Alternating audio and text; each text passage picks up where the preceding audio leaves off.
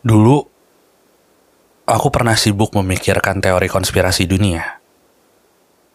Orang-orang mempertanyakan segala sesuatu yang ada di luar nalar.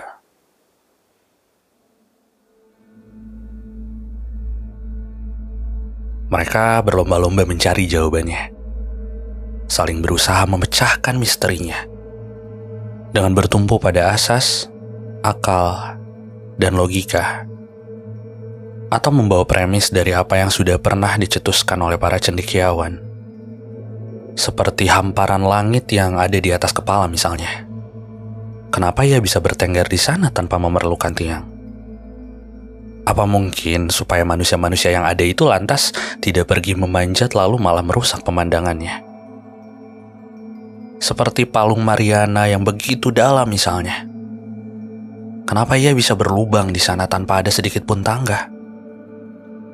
Apa mungkin supaya manusia-manusia yang ada itu lantas tidak beranjak menyelam lalu malah menghancurkan keindahannya? Menjadikan kita sebagai umat manusia yang cukup tinggal di dataran saja. Tapi alih-alih aku menyerempet, menabrak, atau malah memperdebatkannya, aku lebih memilih jalur aman yang berpegang teguh pada sebuah keyakinan. Seperti proses diciptakannya manusia misalnya. Metodenya terbilang cukup sederhana. Bermula dari gundukan tanah yang dirubah menjadi tulang, daging, juga darah. Yang dirangkai sedemikian rupa hingga segalanya membentuk satu komponen yang begitu indah. Lalu dihibahkanlah kepadanya sebuah nyawa.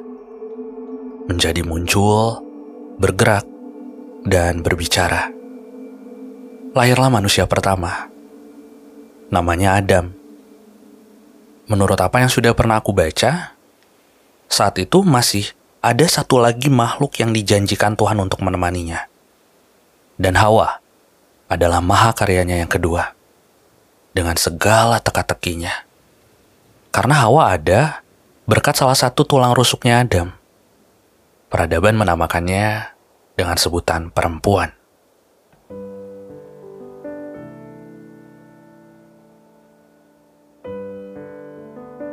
Dia adalah makhluk yang sulit sekali ditebak, ringkih, dan tertatih. Bening, namun mudah pecah seperti kaca.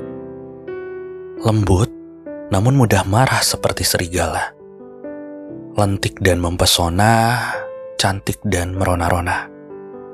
Dan jauh melompat dari sana, lahirlah anak manusia yang memiliki spesifikasi rendah, yang wujudnya kurang begitu indah, rentan gundah, dan tidak pandai bersilat lidah.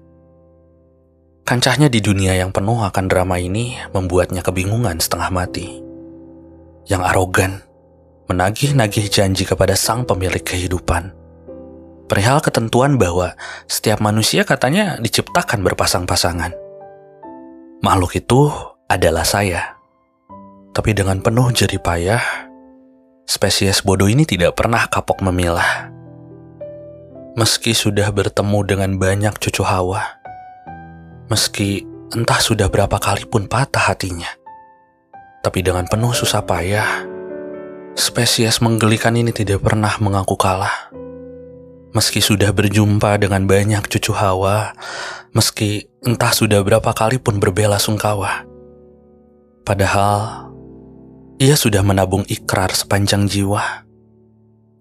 Jika nanti memang ada yang bersedia menerima dirinya dengan apa adanya, ia akan mengajaknya untuk menggantungkan harapan setinggi langit. Lalu kemudian mencari tiangnya bersama-sama hingga ke ujung dunia. Ia akan mengajaknya untuk mengalahkan dalamnya palung Mariana. Lalu kemudian memelihara rasa hingga tiada ujungnya. Atau ia akan bersabda, mengajaknya untuk terus melanjutkan kisahnya Adam dan Hawa. Meski sudah terusir dari surga, ia akan terus bersama-sama. Hingga maut memisahkan raga.